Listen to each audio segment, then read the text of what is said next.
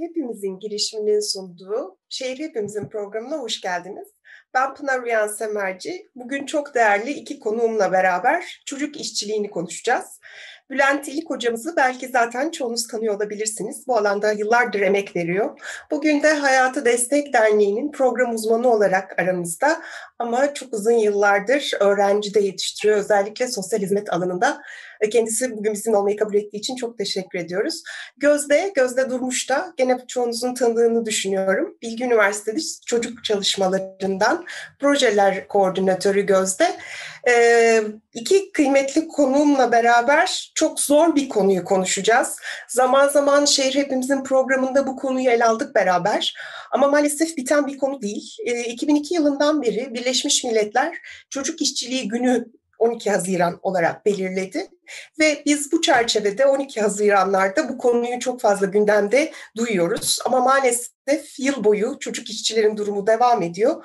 Ve e, bu 14 Haziran programını da çocuk işçiliğine ayırmak istedik. E, hem biraz tanımları konuşmak, çok yeni bir rapor yayınlandı. ILO ve UNICEF ortak bir rapor yayınladılar ve e, epey uzun bir süreden sonra ilk kez tekrar dünyadaki çocuk işçiliği sayısının arttığını, Covid döneminin çocuk işçiler açısından oldukça kötü bir e, durum e, sergilediğini gösterdi ve 79 milyonu tehlikeli işlerde olmak üzere verdikleri sayı oldukça yüksek 160 milyon.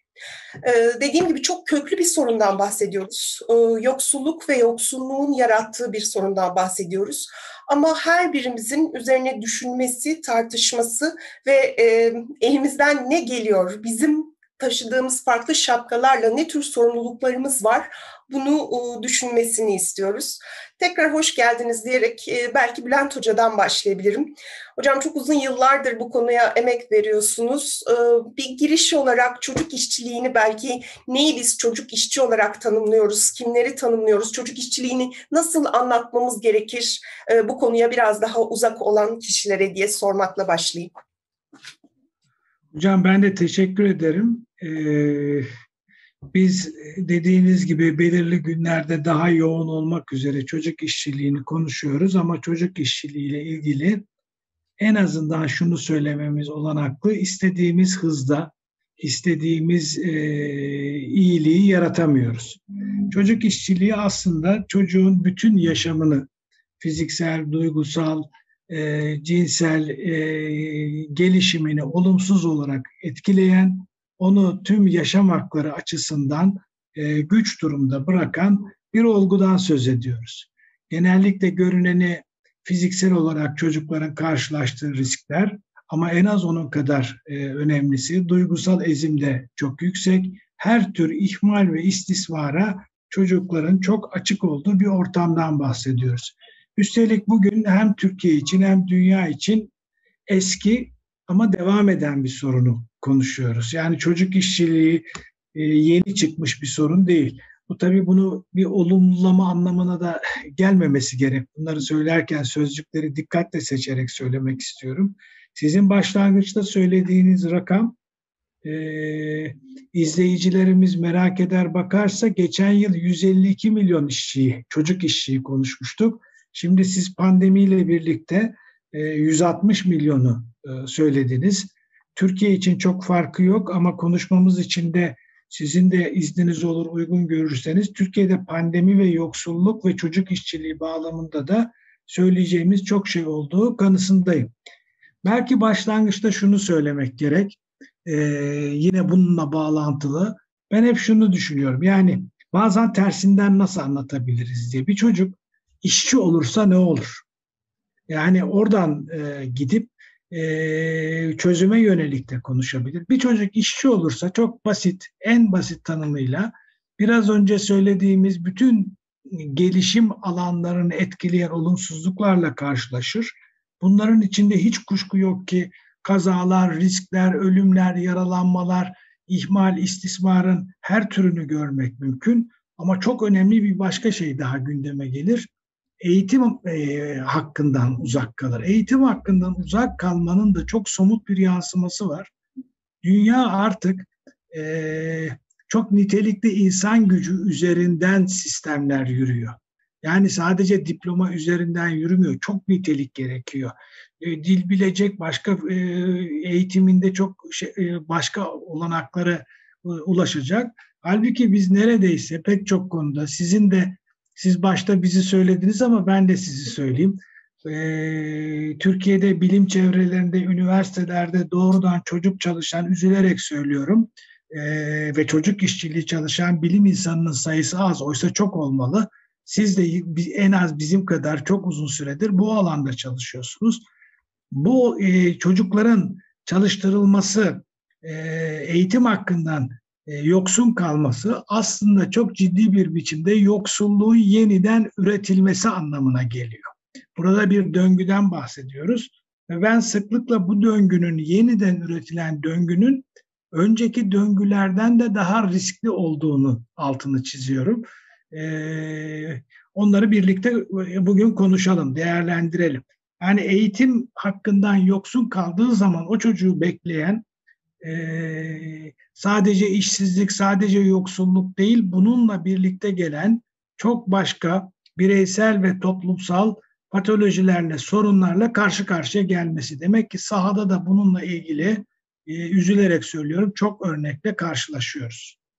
Çok teşekkürler. Evet bu kısır döngü bence biraz konuşmak ve anlatmamız kıymetli olacak. Ee, Gözde'ye de belki daha da temel bir şey sorayım. Gözde en çok gene karşılaştığımız noktalardan biri farklı gruplarla konuşurken hani çocuk dediğimizde e, aslında kabul edilmiş bir yaş aralığı var. Fakat bu bile bazen tartışmalara yol açıyor. Hatta çocuk işçiliğinde bizim yasal düzenlemelerimiz çerçevesinde de bir takım e, kafa karışıklığı yaratacak ifadeler var. Çocuk iş işçi, genç işçi. Belki birazcık buradan önce çocukla başlayarak ve çocuk hakları bağlamında burayı da bize anlatabilirsen oradan sonra biraz öykülere, hikayelere özellikle pandemi döneminin de yarattığı koşullara bakarız.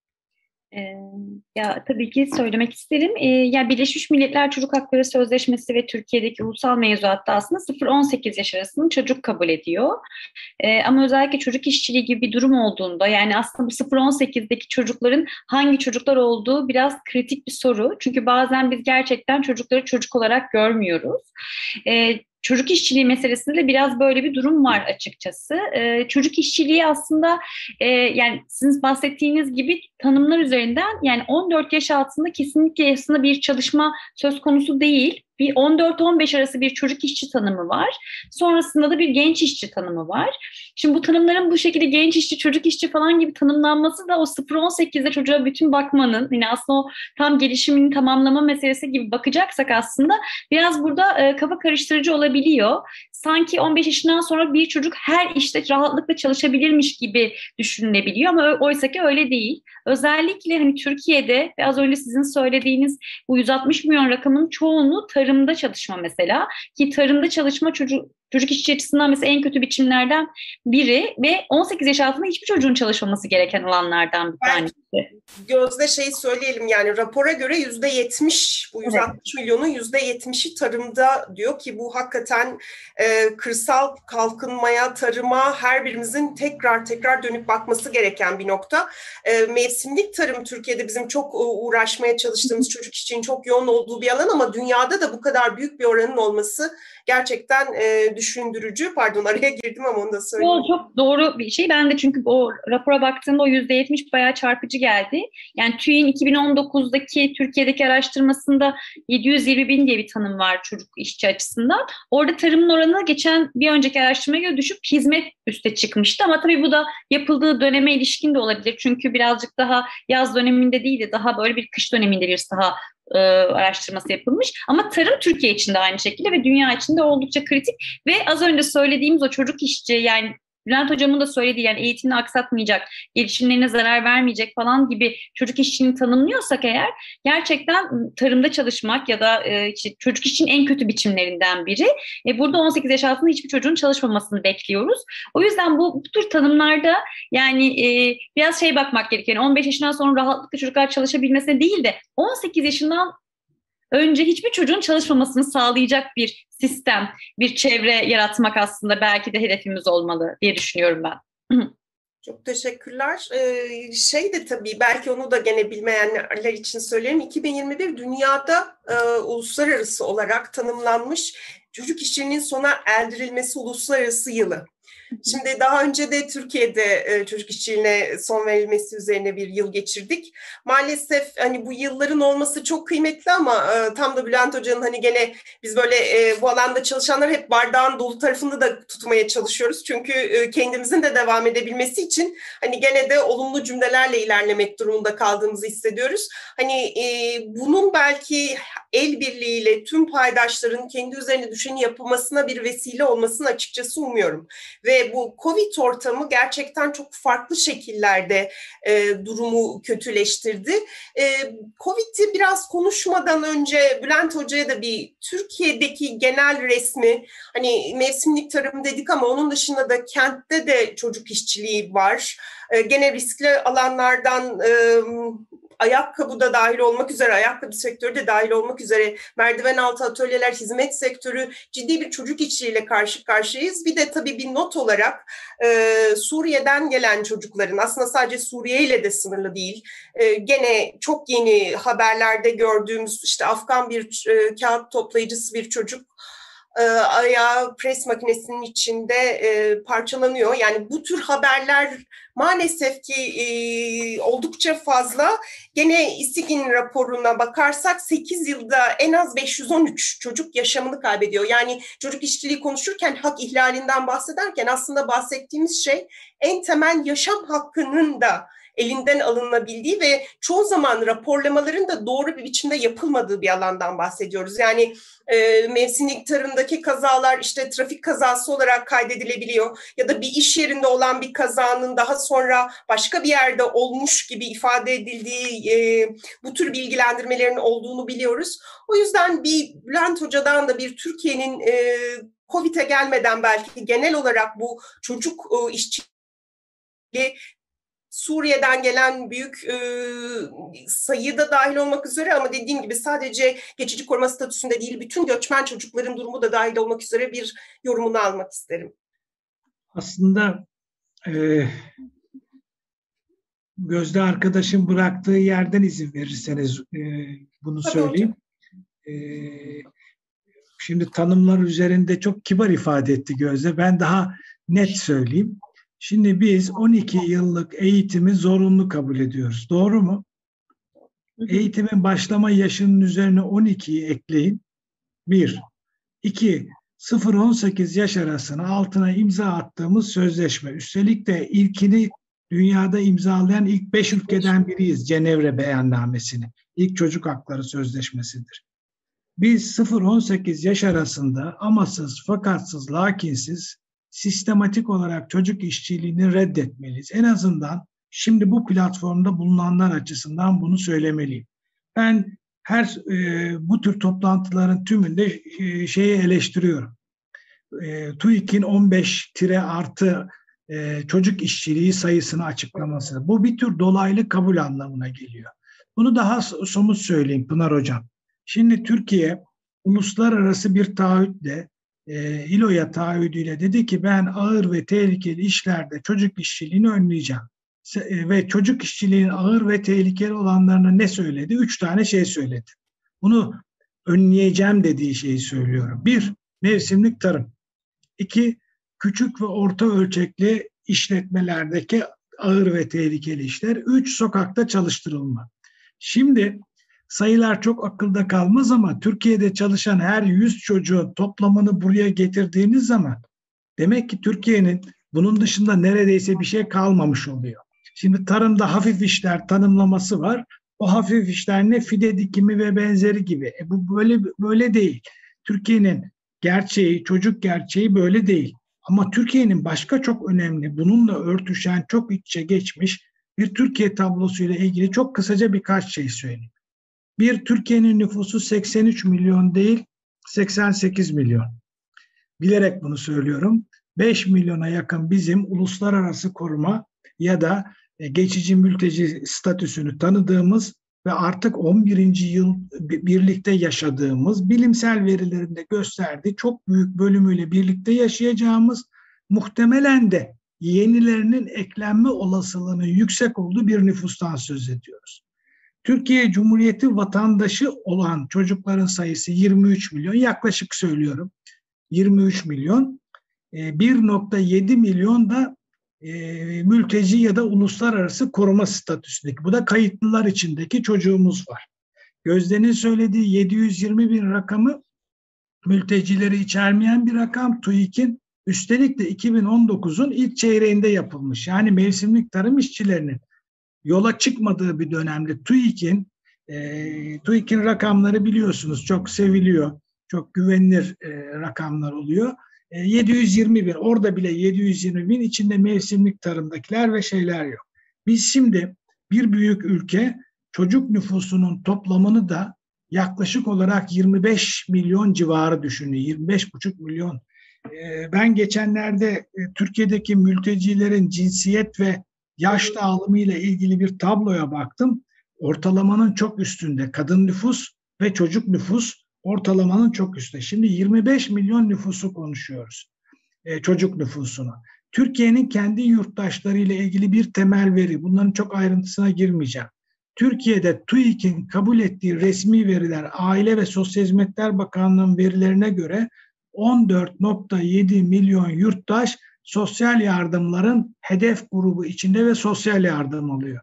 Yani mutlak yoksulluk çizgisi içinde değil ama e, bir yoksulluk çizgisi içinde olma durumunda. Bütün bu sayıların da pandemi öncesi olduğunu ifade etmek gerek.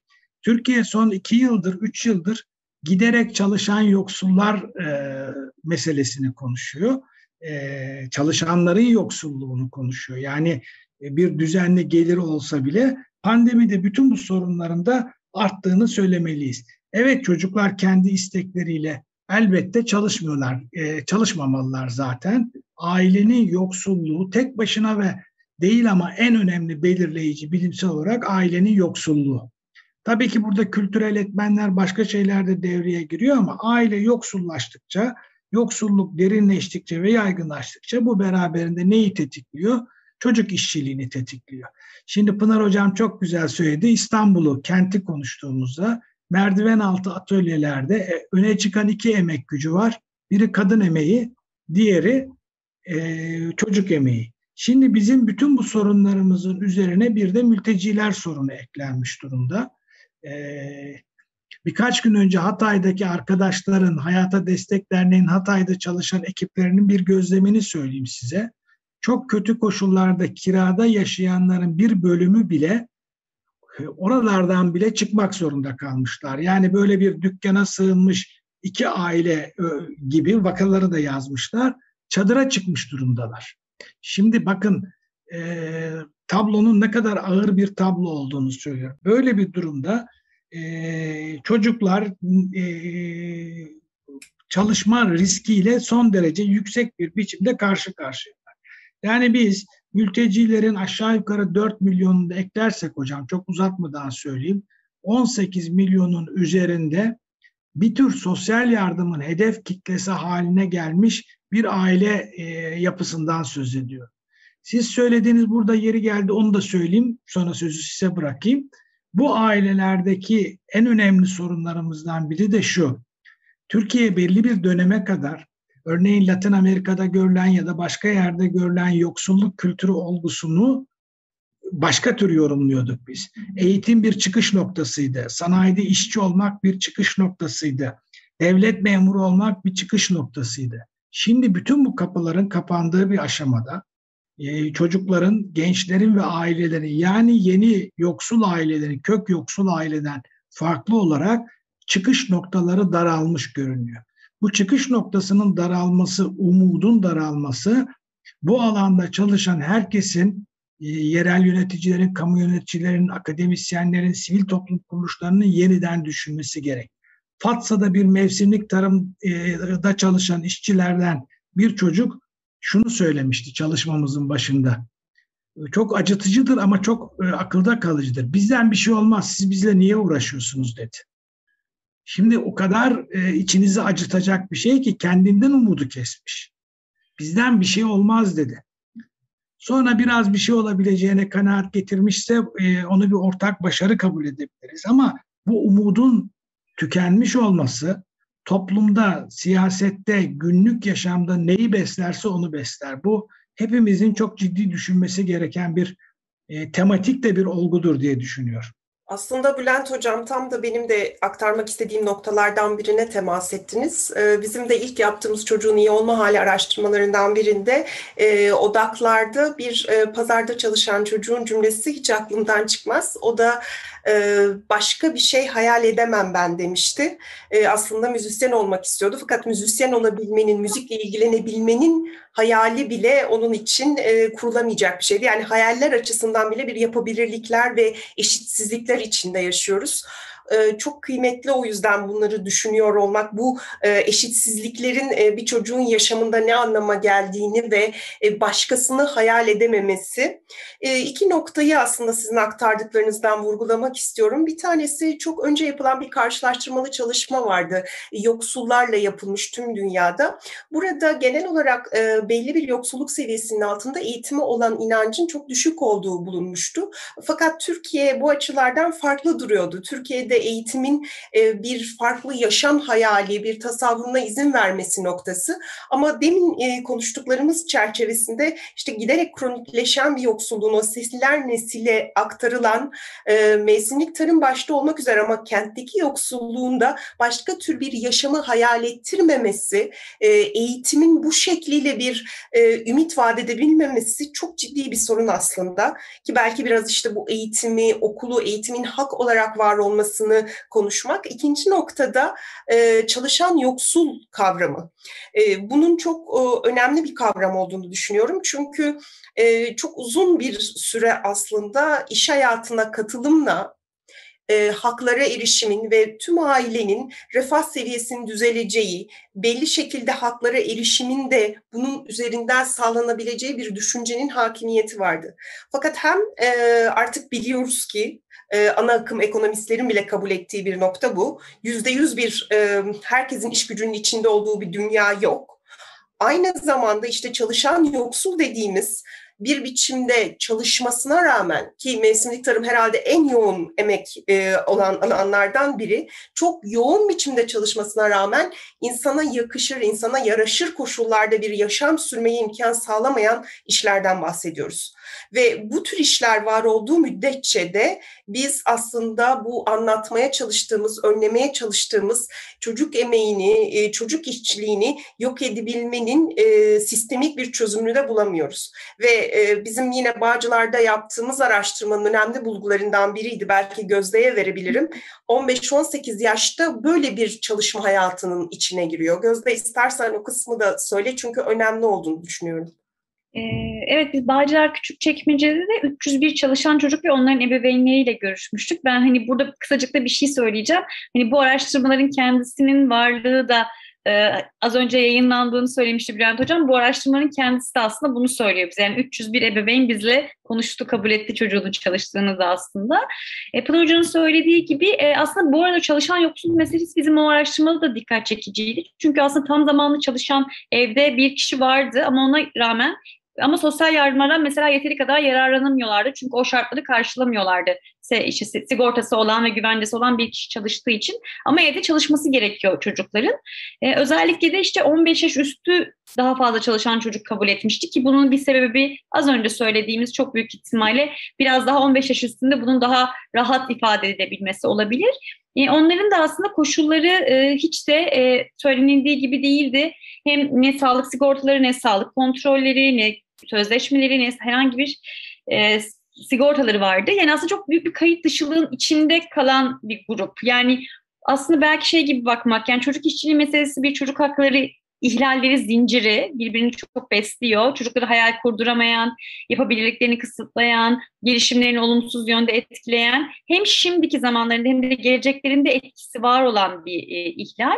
Ama bununla birlikte çözüm sadece çocuk alanında yapılacak bir sistemle değil. Tabii çok etkili bir çocuk koruma sistemi kıymetli ama bununla beraber çalışan yoksulluğu gibi az önce iki hocamın da yoksulluk üstüne çalışan iki hocadan da dinlediğim üzere yani aslında bu meselenin diğer taraflarıyla bir aradalığı çok kritik geliyor bana. Yani bir yandan evet çocuklar için daha koruyucu bir çevre, risk oluşturulabilecek hani bir çocukta bir risk fark ediliyorsa onun eğitim sistemi içerisinde ya da kamuda fark edilir olması, önlenmesi çok kıymetli çocuk koruma açısından. Ama bununla beraber bu çocuğu koruyabilmek için işte o çevreyi oluşturacak ailenin güçlenmesi ya da işte ne bileyim insana yakışır bir ücretlendirmeyle olması kritik.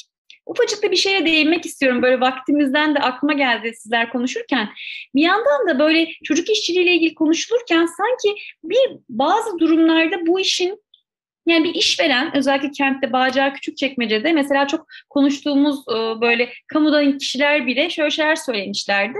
Yani aslında yardım ettiğini düşünüyor işveren aileye. Yani çünkü bazı çocukların çalışabilmesini daha mazur görüyor. Yani çünkü yoksa hayatta kalamayacaklar. Ben ona en azından iş veriyorum. Yani birazcık bu algıyla da mücadele etmek gerekiyor. Yani o çocuk işçiliğin çocuğa verdiği zarar ve bizim bunu görmezden gelmemiz, yok saymamız meselesiyle de yüzleşmek gerektiğini düşünüyorum ki hani böyle sadece işte ne bileyim 12 Haziranlarda değil ya tüm yıla yayılacak bir gündemi oluşturabilelim e, bu konuyla ilgili. Çünkü işte dediğim gibi sadece bir çocuk hakları konusu değil. Yani burada bayağı bir farklı masaya başka kişinin oturması gerekiyor gibi e, çözümü için.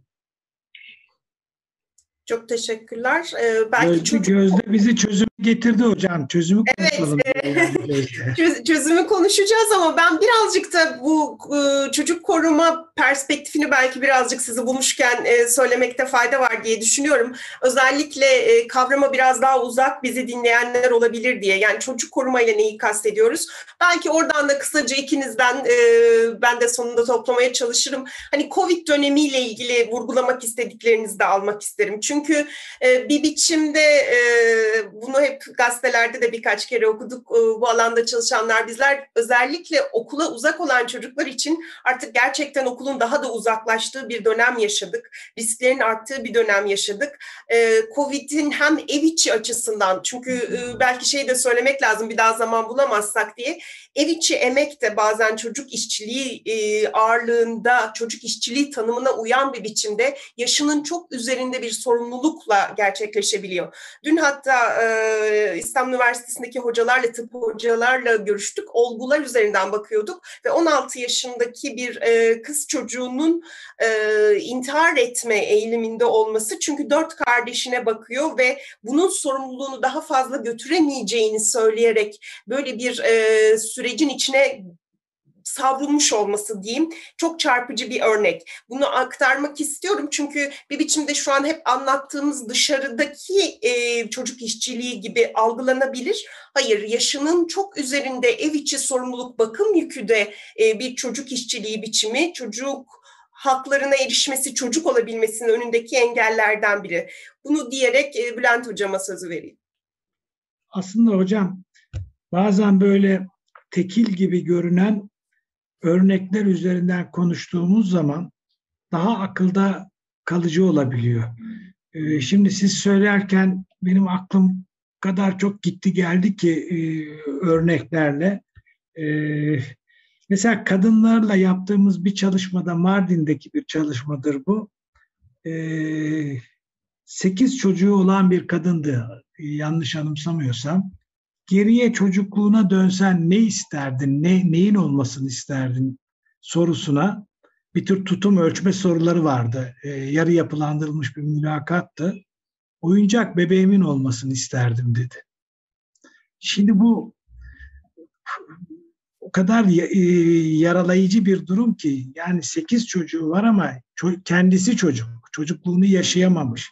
Doğal olarak bu çocuğuna da geçiyor. Tabii ki burada kız çocukları bütün genelde olduğu gibi daha dezavantajlı. Özellikle sizin ev içi emekle ilgili söyledikleriniz e, bununla örtüşüyor. E, şimdi içinde UNICEF'in de olduğu yani sayıların güvenirliğini ifade etmek için de söylüyorum. Bir çalışmada 18 milyonu aşkın öğrencinin 9.6 milyonunun uzaktan eğitime erişemediğini söylüyor. Yani yarı yarıdan fazla, hadi yarısı diyelim, uzaktan eğitime erişemiyor. Bu tam da sizin söylediğiniz gibi neyi beraberinde getiriyor? Mesela sahadan biliyoruz. E nasıl olsa okula da gitmiyorsun, git çalış diyor aile. Kültürel kodlar ve yoksullukla da e, örtüşerek. Ya da mevsimlik tarım. Yani e, çıktılar şimdi mevsimlik tarımdalar. Yani e, biz soframıza gelen her üründe o çocukların emeğinin olduğunu bilmeliyiz. Şimdi Konya'ya gittiler, başka yerlere gittiler. Türkiye'de 50 küsur ile gidiyor e, mevsimlik tarımdakiler. Bazı illerimizde de 11 ay süren mevsimlik tarım var. Adana gibi, Mersin gibi, Çukurova gibi toprağın ve e, iklimin oldu. Şimdi o zaman bizim e, bu çalışanların yoksulluğuyla ilgili de e, şeyi de söyleyeyim. Bu da e, disk araştırma grubunun çalışması yüzde 14.4'e çıktığını söylüyor. Burada kastettikleri hanede kişi başına düşen gelirin asgari ücretin üçte bir ya da üçte ikisinden az olması oranı. Şimdi bütün bunlar, evet bunlar çok önemli sorun. Pandemi neye yol açtı? Ee, kısaca söyleyeyim. 3.7 milyon insan, önemlice bir bölümü devam ediyor. İşten çıkartmayı yasakladık biz. Yasakladık ama kısa çalışma ödeneği verdik, ücretsiz izin verdik ya da bir kısmı işsizlik sigortasına. 1000 lirayla 1500 lira arasında para verildi bu insanlara. Şimdi 1000 ya da 1500 liranın Türkiye'de ne anlama geldiğini. Ee, bir de kod 29 e,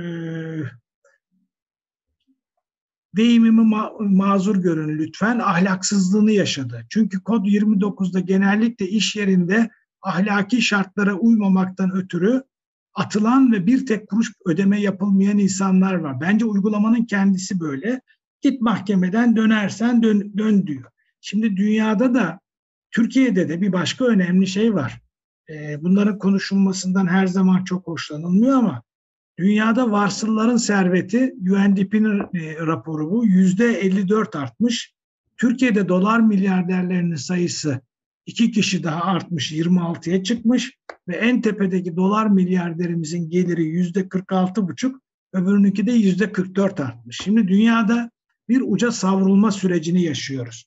Bu uca savrulma süreci elbette çocuk işçiliğini ve şiddet başta olmak üzere, çatışma başta olmak üzere e, siyasette uca savrulmaları başta olmak üzere olumsuzlukları e, destekliyor. Yani pandemiyle ilgili bu kabaca bu rakamları söyleyeyim. Bunu destekleyen çok veri var. Örneğin Aile Sosyal Hizmetler, son ismiyle Aile Sosyal Hizmetler Bakanlığı'nın SED e, oranı, sosyal ekonomik destek oranı 2016'dan bu yana yüzde 60 artmış. Tek başına bunlar bir veri değil ama bunlar önemli veriler. O zaman şimdi e, süremizi de epey e, zorlamamak için söylüyorum. E, bunları konuştuk, konuştuk, dertlendik. E, burada bitirecek miyiz? Hayır, burada çözüm var. Şimdi size soruyorum Pınar Hocam. O çocuk müzisyen olabilir mi pazardaki çocuk? Hiç mi umut yok? O umutlar hep mi kapalı? Bana sorarsanız hayır. Ama bununla ilgili bizim bir geniş ortak akılla birlikte ciddi olarak politika üretmemiz gerek. Örneğin bütün çocukların üniversiteyi okuması mümkün olmayabilir. Ama bütün çocukların e, farklı alanlarla yani ben ona entelektüel kapasite diyorum kısaca sanatla, müzikle, bilimle, sporla tanışabileceği alanlar yaratılabilir. Burada görev kimin? Burada görev birinci olarak yerel yönetimdir. Tabii ki merkezi yönetimin ve yerel yönetim. Çocukları mutlaka ve mutlaka farklı rol modellerle, yaşam umuduyla, gelecek beklentisiyle ilgili. Burada olumlu deneyimleri var mı Türkiye'nin? Onlarca olumlu deneyimi var. Bu dokunuşları yaptığınız her yerde e, olumlu neticeler alıyorsunuz. Hemen yarın alamayabilirsiniz. Ee, bir başka yayında belki o olumlu örnekler konuşulabilir. Hatta öneriyorum sadece olumlu örneklerin konuşulabileceği bir yayın da yapabilirsiniz. Bugün 233 mu oldunuz hocam? Kaçıncı yayınınız oldu? Öyle dediler. Evet 233. Müthiş, müthiş. Kutlarım sizi. Bu, bu bile başlı başına bir iştir. Yani biz bir araştırmaya önem vereceğiz, verilere. Sizin yaptığınızın bütün Türkiye'deki karşılıklarını çıkartacağız. İki, yasaları amasız fakatsız uygulayacağız. Var Türkiye'de yasalar bunları engelleyecek. Üç, teşviklerimizi yapacağız. Size somut örnek söyleyeyim. UNICEF'in de e, desteğiyle Hayata Destek Derneği bazı alanlarda e, bir tür mevsimlik tarıma gitmemeleri için pandemi döneminde insanlara küçük sosyal yardımlar yaptılar. Yani 750 lira civarı. İnanır mısınız o yardımın yapıldığı 3000'e yakın insan var farklı alanlarda. Ya 4 aile ya 5 aile e, söylenen kurallara uymamazlık etti. Diğerleri çocuklarının okul kaydını sürdürdüler. Okula devamlarını sağladılar. Özellikle Şanlıurfa için ve benzeri yerler için söylüyorum. Ama bir önemli sorun, sorunu yine söylüyorum ve başka fark başlıklarla düşünmeliyiz. Mülteci çocuklar sorununu, uluslararası koruma altındaki çocuklar sorununu e, ayrıca düşünmeliyiz. Orada da neyi yapmalıyız? Bir dil gelişimini mutlaka sağlamalıyız. İki, birlikte yaşama kültürü açısından hep birlikte gayret göstermeliyiz. Sizin verdiğiniz örnek aslında en diptekilerin paylaşımına ilişkin bir örnektir. Afgan çocuk ve toplayıcılık dediniz, kağıt toplayıcılığını. E, kağıt toplayıcılığı önce Suriyeliler e, çocuklardaydı, şimdi Afgan çocuklara geçti. Çok yaratıcı ve farklı önermeler geliştirebiliriz. Bunların bir bölümü fantastik kalabilir. Bu çöp ayrıştırma işinden bir gelir elde ediliyor mu? Ediliyor. Mesela şunları düşünebilir miyiz? Benim bunu saçmaladığımı düşünün. Ayrıştırma kumbaralarının bir bölümünü çocukların okula gitmesi koşuluyla o ailelere zimmetleyebilir miyiz? Bunun en kolay örgütleneceği yerler site şeklindeki apartmanların olduğu yerler. En kaliteli çöpün de oradan çıkacağını bilerek söylüyorum. Yerel yönetim, sivil toplum bir tür böyle bir işbirliği. Ama buralarda e, şunları kesin uygulayacağız. Çocukların okula her hal ve koşulda gitmesi, çalıştırılmaması e, gibi e, önlemleri konuşacağız.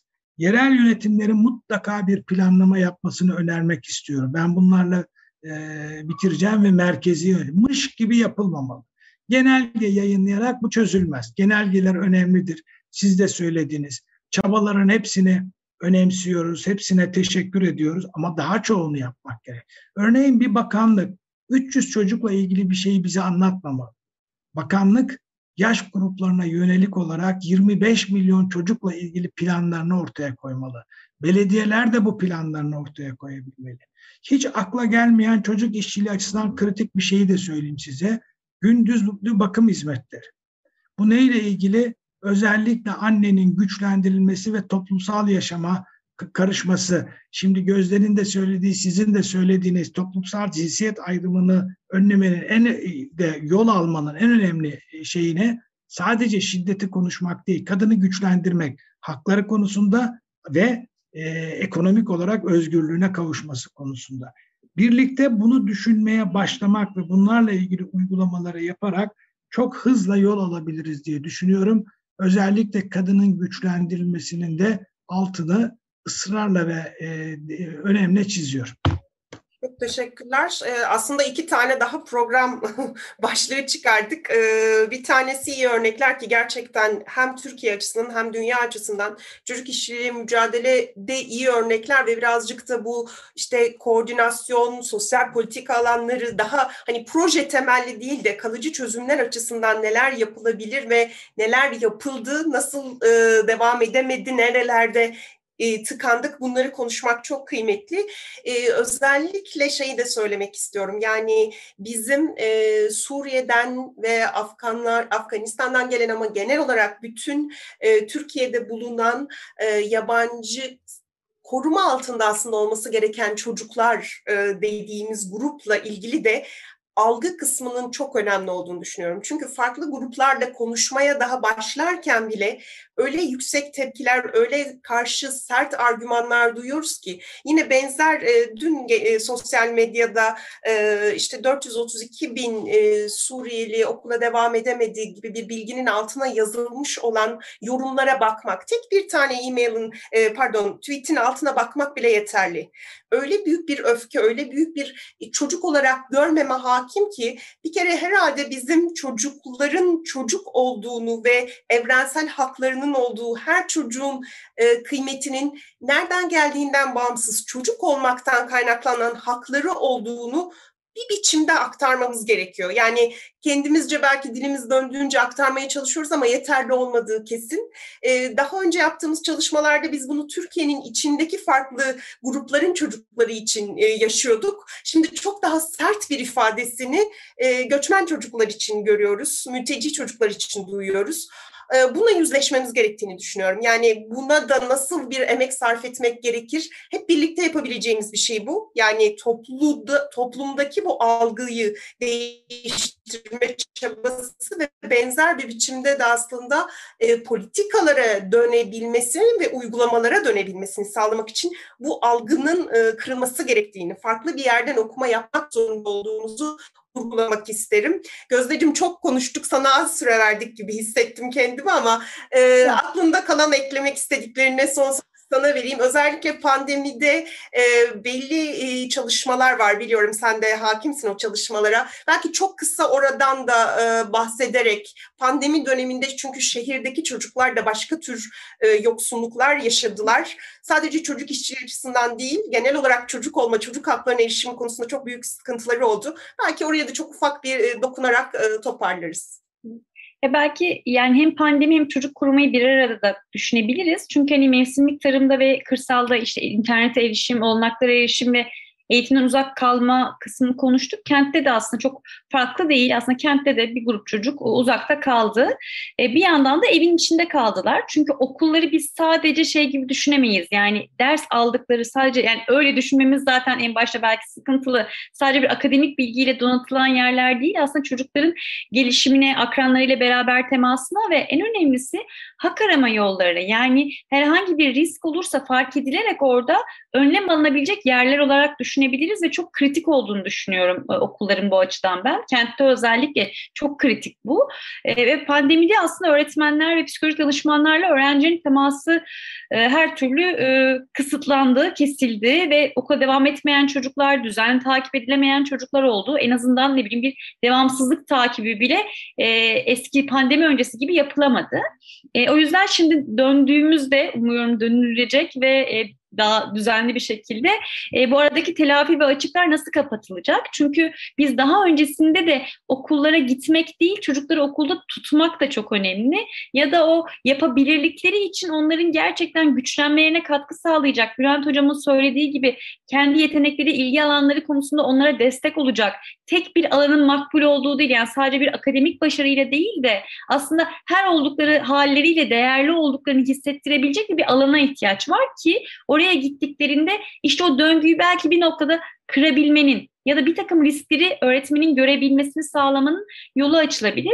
O yüzden hani pandemiden sonra bununla ilgili daha da çok e, bir iş var. Çünkü zaten bir e, sorun vardı kapsayıcılık açısından. Yani bir grup çocuk dışarıda kalıyordu ya da kendini oraya çok ait hissetmiyordu e, ya da bir şekilde etiketleniyordu. Şimdi pandemiyle beraber açık, e, hem akademik başarıyla ilgili büyük bir açık olduğu çocuklar arasında e, ve bunun dışında zaten işte mülteci çocuklar gibi ne bileyim mevsimlik tarımda çalışan bir çocuğun okula dahil olması gibi çalışan bir çocuğun orada varlığını sürdürebilmesiyle ilgili de daha başka çalışmalara ihtiyaç var. Biz okullar açısından biz son dönemde biz okullar ve öğretmenler üzerinden çalıştığımız için orayı e, eklemiş olayım. E, çocuk koruma ile ilgili şey de söyleyebilirim. Yani bu çocuk işçiliği meselesindeki hani önleme kısmı çok kritik. Yani biz şu an o yüzden iki şeyi birlikte yürütmekten yanayım ben. Bir yandan her sayı bir çocuk o yüzden o bir çocuğun yaşamını dönüştürebilecek, değiştirebilecek iyi uygulama varsa onun bir yerel yönetimin alması ve genelleştirmesi tam Bülent Hocam'ın söylediği gibi tabii ki çok kritik. Bunu yaparken ama aynı zamanda da o önleyici olabilmek için çocuğun o koruyucu ve gelişimi destekleyen bir çevre oluşabilmesine katkı sağlayacak her türlü kurumun birlikte yürümesine ihtiyaç var. Bir de son olarak bence bu meselenin kamuoyunda daha sık yer alabilmesi için, daha hakkını vererek yer alabilmesi için medyayı çok dillendirmediğimiz için son bir medyaya da bir şey söyleyeceğim. Çünkü az önce sizin bahsettiğiniz o haberin takibi yapılabilir olmalı. Bir tekil örnek değil çünkü ne yazık ki o e, Afgan çocuğun e, kağıt toplarken pres makinesine sıkı, ne oldu onun sonucunda? Ne gibi sorumluluk alındı? E, burada çocukla ilgili nasıl bir işlem yapıldı? Bunun takibi ve bu örneklerin aslında birçok örneğin içinde bir örnek olarak verilmesinin de ben algıyı değiştirmek için katkı sağlayacağını düşünüyorum. deyip sanırım süremizi de bitirdik. Birçok konu açıldı ama. Süre, Ee, dediğim gibi biz e, bu alanda çalışmaya devam ediyoruz. Belki bize katılmak isteyenlerin sayısını bir nebze olsa arttırmışsak ne mutlu. Ee, burada e, demin anlatmaya çalıştığım, özetle kurmaya çalıştığım cümle e, hepimiz kendi çocuklarımız için ya da yakınlarımızın çocukları için Türkiye'de özellikle böyle bir göz bebeğimiz deriz. Göz bebeğimiz gibi kıyamayız. E, tam da bu sebeple başkalarının çocuklarının yaşadığı bu çalışma ortamlarının çocuk olmaya izin vermeyen eşitsizliğinin e, bizim canımızı aslında acıtması gerekiyor. Kendi çocuğumuzu orada düşünemiyorsak, hayal edemiyorsak nasıl oluyor da başka çocukların orada olmasını kabullenebiliyoruz? Biraz soruyu Bülent Hoca da dedi. Bugün biraz tersten soralım bu soruları. Kendimizle belki yüzleşmek gerekiyor. Yaşadığımız toplumun içinde e, çocukların bu şekilde çalışmasına nasıl izin verebiliyoruz? Ee, bunu değiştirebilmek için e, her birimizin en azından e, savunuculuk faaliyetle ilgili bir değişimin ucundan tutması e, çok kıymetli. Herkese sabrı için çok teşekkür ediyoruz. Sağlıkla kalın. Çok teşekkürler Bülent Hocam, Gözdeciğim sağ olun. Biz de çok teşekkür ediyoruz. Türkiye'nin sivil, bağımsız, özgür ve çoğulcu bir medya ortamına ihtiyacı var. Medyaskop 20 Ağustos 2015'te bu ihtiyacı karşılamak üzere yola çıktı. Ama yolumuz uzun. Bu yolculukta bize Patreon veya YouTube'un katıl butonu üzerinden katkıda bulunabilirsiniz. Destek verin, sizinle güçlenelim.